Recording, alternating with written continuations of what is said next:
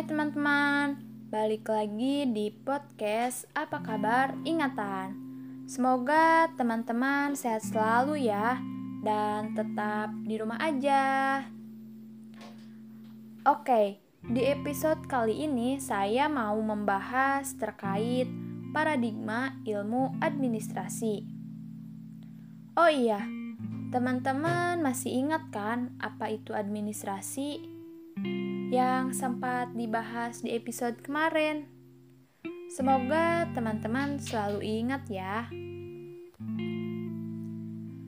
Nah, jadi apa sih paradigma ilmu administrasi itu?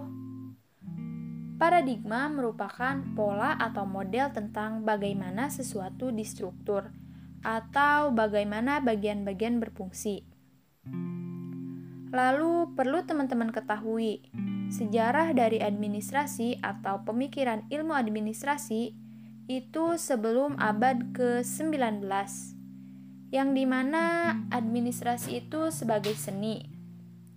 Jadi, masyarakat itu melakukan kegiatan, tetapi mereka belum tahu kalau misalkan hal tersebut merupakan administrasi.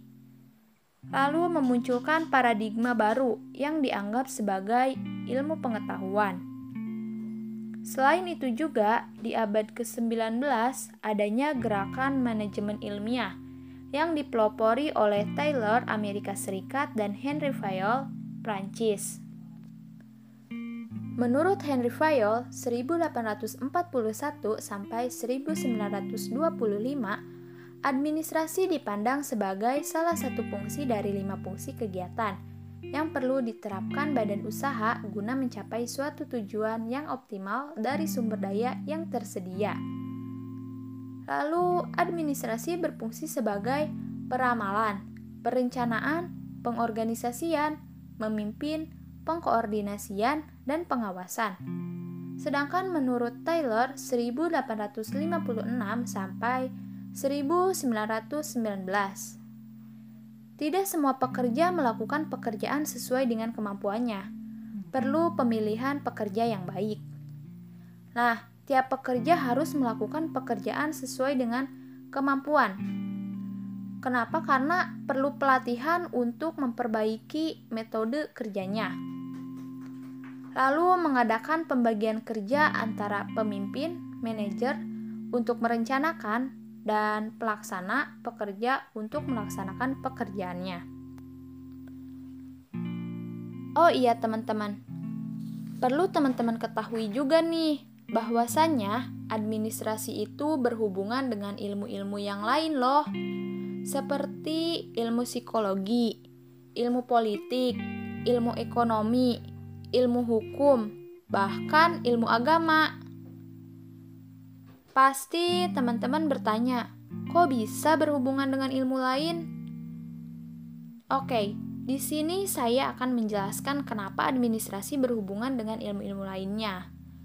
Contohnya itu kayak administrasi berhubungan dengan ilmu politik karena tentu seorang administrator harus mampu mengetahui perilaku anggotanya atau human behavior.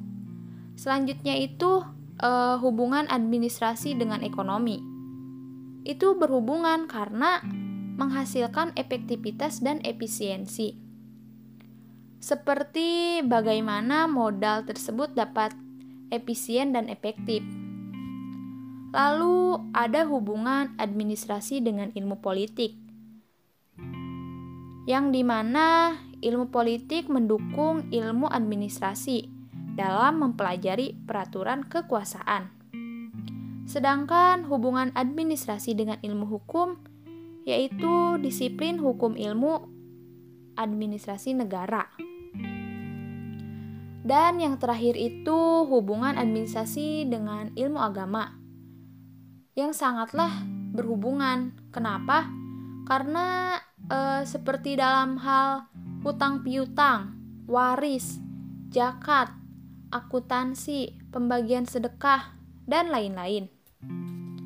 Nah, penting banget kan teman-teman kita belajar terkait hubungan ilmu administrasi dan ilmu lainnya? Oke, Mungkin pembahasan di episode kali ini saya cukupkan dulu ya teman-teman. Tetap ingat selalu dan sampai jumpa di episode selanjutnya. Bye bye.